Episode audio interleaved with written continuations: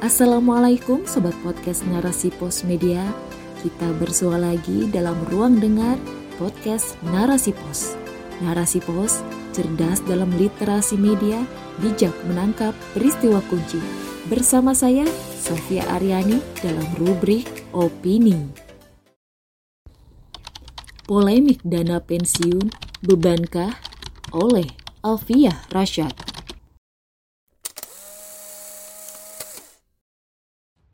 Amboy, selama ini status pegawai negeri sipil atau PNS seakan menjadi prima dona. Betapa tidak, setelah berakhir masa kerjanya, mereka digadang-gadang tetap bisa mendapat kehidupan layak dengan dana pensiun yang memadai dari negara. Kuota PNS diperebutkan setiap ada tes CPNS oleh seluruh kalangan masyarakat.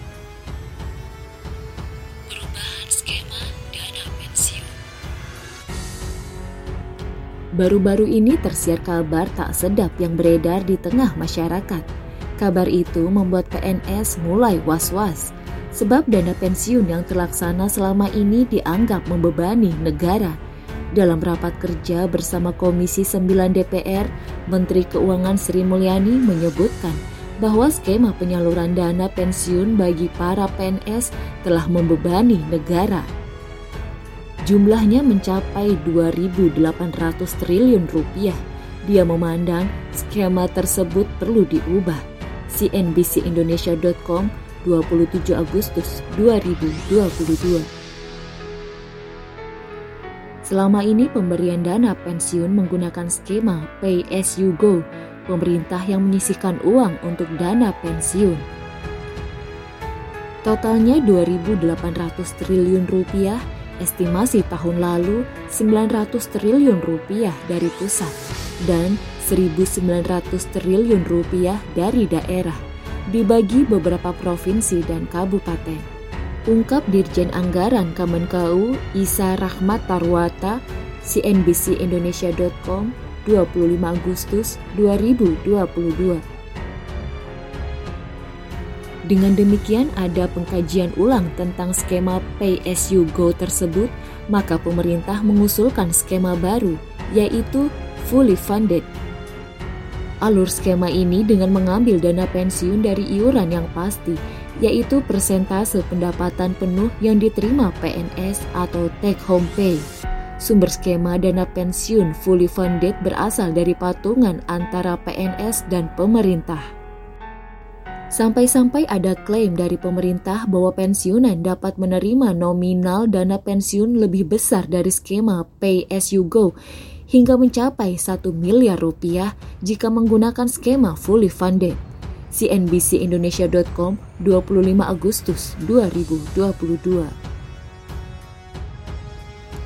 Alur skema ini sepertinya betul-betul dipikir serius oleh negara. Lantas, Apakah perubahan skema dana pensiun secara otomatis akan mampu menyajikan kesejahteraan para PNS yang telah berakhir tugasnya di hari tua? Anggapan membebani negara ini amatlah menyesakkan dada, seakan negara hendak berlepas tangan dari tanggung jawabnya dalam menyejahterakan rakyat, terutama untuk PNS yang sejak awal telah bersepakatan dengan negara sebagai pegawai negara secara resmi.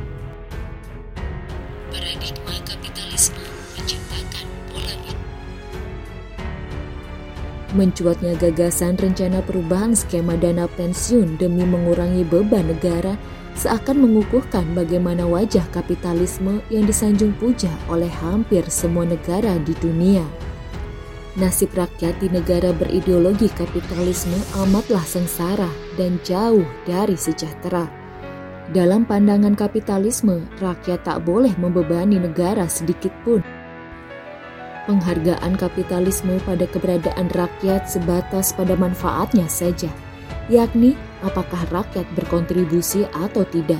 Selain itu, kapitalisme memandang rakyat hanyalah konsumen bagi seluruh pelayanan negara. Hampir semua hal yang menjadi tanggung jawab negara dianggap sebagai beban. Sebutlah subsidi listrik, maka itu sudah dianggap beban Subsidi sembilan bahan pokok atau sembako ini juga beban, sehingga harus dicabut subsidinya. Subsidi BBM dan pupuk juga dianggap beban.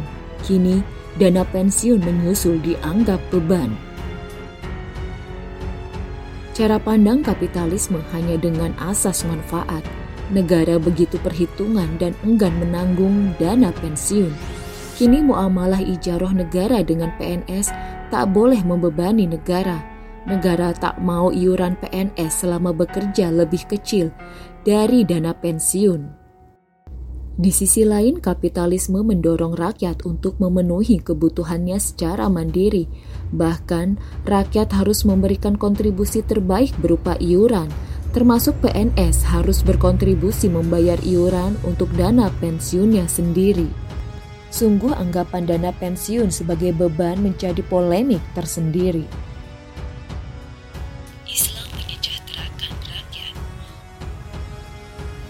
Amboy, Siapa yang tak tahu sumber daya alam negeri ini?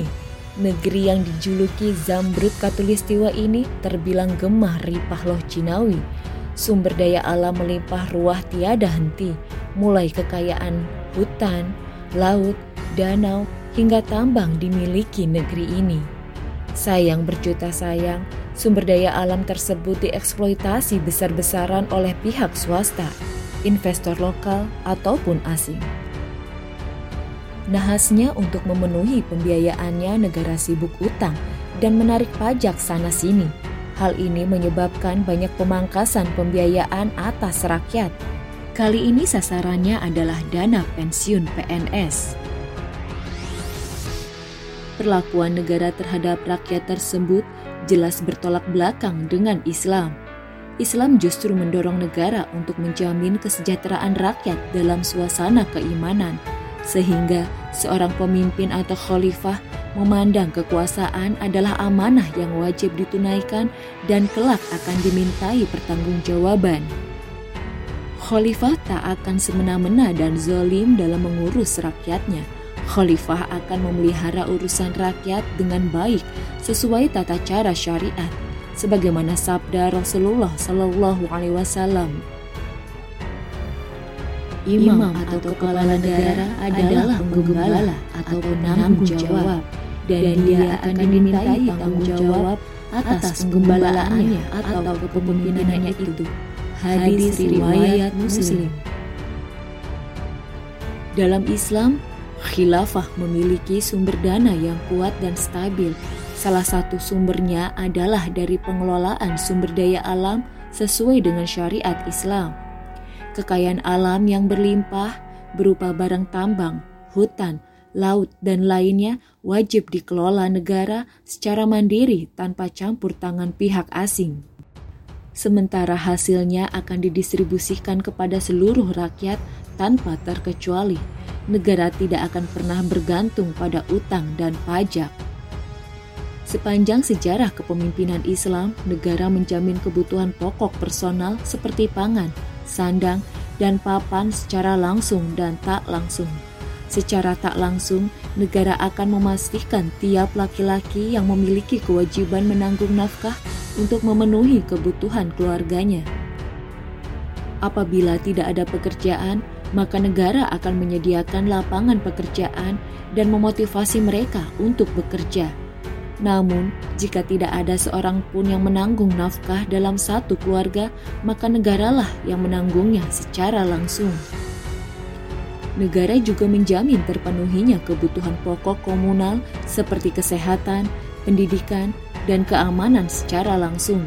Semua kebutuhan komunal dibiayai negara tanpa membebani rakyat. Kalaupun dana negara di Baitul Mal kosong melompong, Khalifah akan mengerahkan para wali atau amil untuk melakukan gathering atau sedekah di wilayahnya hanya bagi kaum muslim yang kaya. Kaya di sini mereka yang ada kelebihan harta setelah terpenuhi kebutuhan kamaliyahnya atau tersiernya. Jika dana gathering belum memenuhi pembiayaan kebutuhan pokok rakyat, maka khalifah akan menarik doribah atau sejenis pajak hanya pada kaum muslim yang kaya saja. Doribah ini sifatnya sementara. Apabila dana telah terpenuhi, maka negara akan menghentikan pungutan. Islam akan mendorong negara menjamin rakyat seluruhnya tanpa memandang waktunya pensiun atau tidak, sehingga kesejahteraan dan keberkahan akan menyertai kehidupan umat manusia.